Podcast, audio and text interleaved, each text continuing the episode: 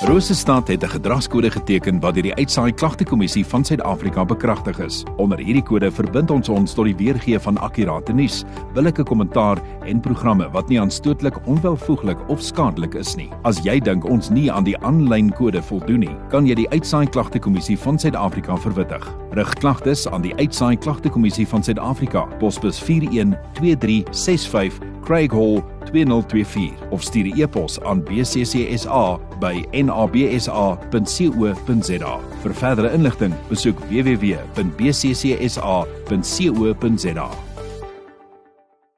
Nee, tyd vir ons gesondheidsprogram en dit word nou aangebied met die komplimente van Pellisier Gesondheidssentrum in Pellisier vir enige navrae skakel vir Wim en sy span by 0514224228. Nee, as ek vroeër genoem het, gesels ons vandag oor rugpyn en die eerste vraag aan Wim, wie is die risikopersone? Môre Amanda en luisteraar. Ehm um, ja, ek wil vandag ietsie wat ek voel wat redelik opspraak maak in ons lewens en dit is die rugpyn en die impak wat dit op jou kwaliteit van lewe gee. Nou wie is die risiko of die kwesbare persone dis interessant genoeg dat ons almal kom dit oor en dit kan tot 'n blywende seer vir 'n tydperk hê van soveel as 50% van die bevolking. Ook moet 'n mens bewus wees daarvan dat 90% van al die gevalle waar 'n mens rugpyn kry, weer kan herstel word sonder dat 'n mens noodwendig risiko uh, eh, chirurgie hoef te ontvang. En ek dink dit is belangrik dat 'n mens met jou dokter en jou apteker hieroor praat.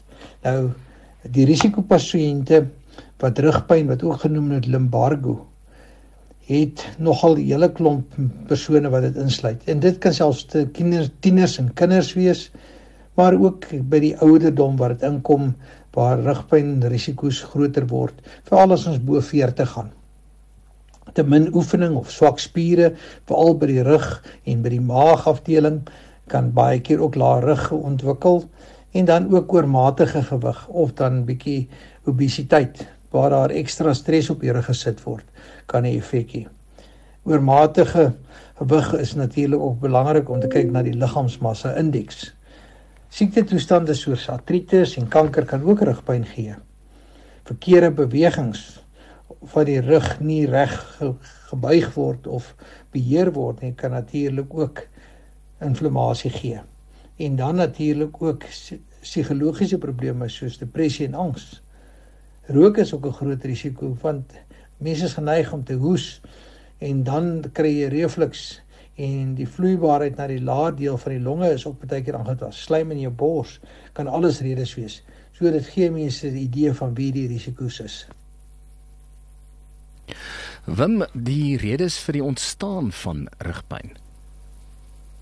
Wat kan die redes dan wees vir die probleme wat ons verstaan? Eerstens as dit ligamente of spiere wat seer kry, dit kan die disk self wees wat skuif. En die disk is die areas waar die weefsel van weefsel tussen die wervels is en dit ondersteun of bekussing dan eintlik die spasies tussen die vertebra of dan die wervels.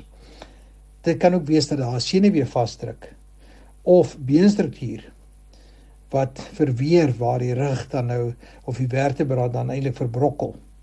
Organe soos die niere en die ook kan ook 'n deel wees daarvan ehm um, selfs by die uterus of by die prostaat afhangende van man of vrou kan ook 'n verwyste rugpyn gee en dan natuurlik kankers.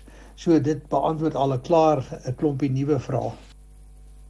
Is Wim Kromlaan van Pellisier Gesondheidssentrum en Apteek. Ons is nou na terug en gesels ons 'n bietjie verder ons gesondheidsprogram aangebied met die komplimente van Pellisier Gesondheidssentrum in Pellisier. Is prop en hy sê Sarah sê ja, tyd vir ons tweede segment van vandag se gesondheidspraatjie aangebied met die komplimente van Pellisier Gesondheidssentrum in Pellisier en ek gesels vandag met Wim Kromlaan oor rugpyn. Nou ons het nou al gehoor wie die risikopersone is en ook die redes vir die ontstaan van rugpyn, maar die groot vraag, kan dit voorkom word? Om dit te voorkom is belangrik dat 'n mens kyk eerstens dat jy beplan vooruit, luister na jou liggaam en voorkom 'n val sodat jy nie onnodig jouself beseer nie. Moenie swaar goed optel nie. Doen jou core oefeninge. Dit wil sê jou maag en jou lae rug Want onthou ons met die jare kom artritis en daar word beskadiging en degenerasie van die gewrigte wat plaasvind. So kan ook osteoporose veral as ons in ons menopausal jare ingaan, kan ook 'n effek hê daarop. Infeksies soos sekere streptokokkies of E. coli of TB kan ook so gee. So ja, pas jouself op. Kyk na jou postuur. Sit regop op 'n regop op 'n stoel en sit 'n kussing in agter jou larig sodat jy meer 'n prominente ding het veral as ons voor rekenaar sit. Moenie hoek skoene dra nie. Kry liewers of jou binnesole wat jou voete ondersteun. Dit maak ook dat daar nie meer spanning op jou rug is nie. Strek gereeld. Ek sê mense wat gereeld agter 'n rekenaar sit of in 'n sittende posisie is, maak daarvan 'n punt om elke uur 'n paar keer te gaan strek probeer ons rook ook verminder. Soos ons net al sê, dit bring longinflammasie aan wat ook hoes en inflammasie in die larig kan gee. Soos ons gesê, kyk na jou gewig en dan ook waar ons kyk na hormone, veral by vrouens, is dit belangrik dat ons kyk met menopausale jare so ook met swangerskap. Ehm um, onthou die liggaam sel hormone vry wat ook natuurlik die spiere bietjie laat ontspan veral by swangerskap en dit maak dat 'n mens ook makliker 'n wervel kan skuif of seker kry.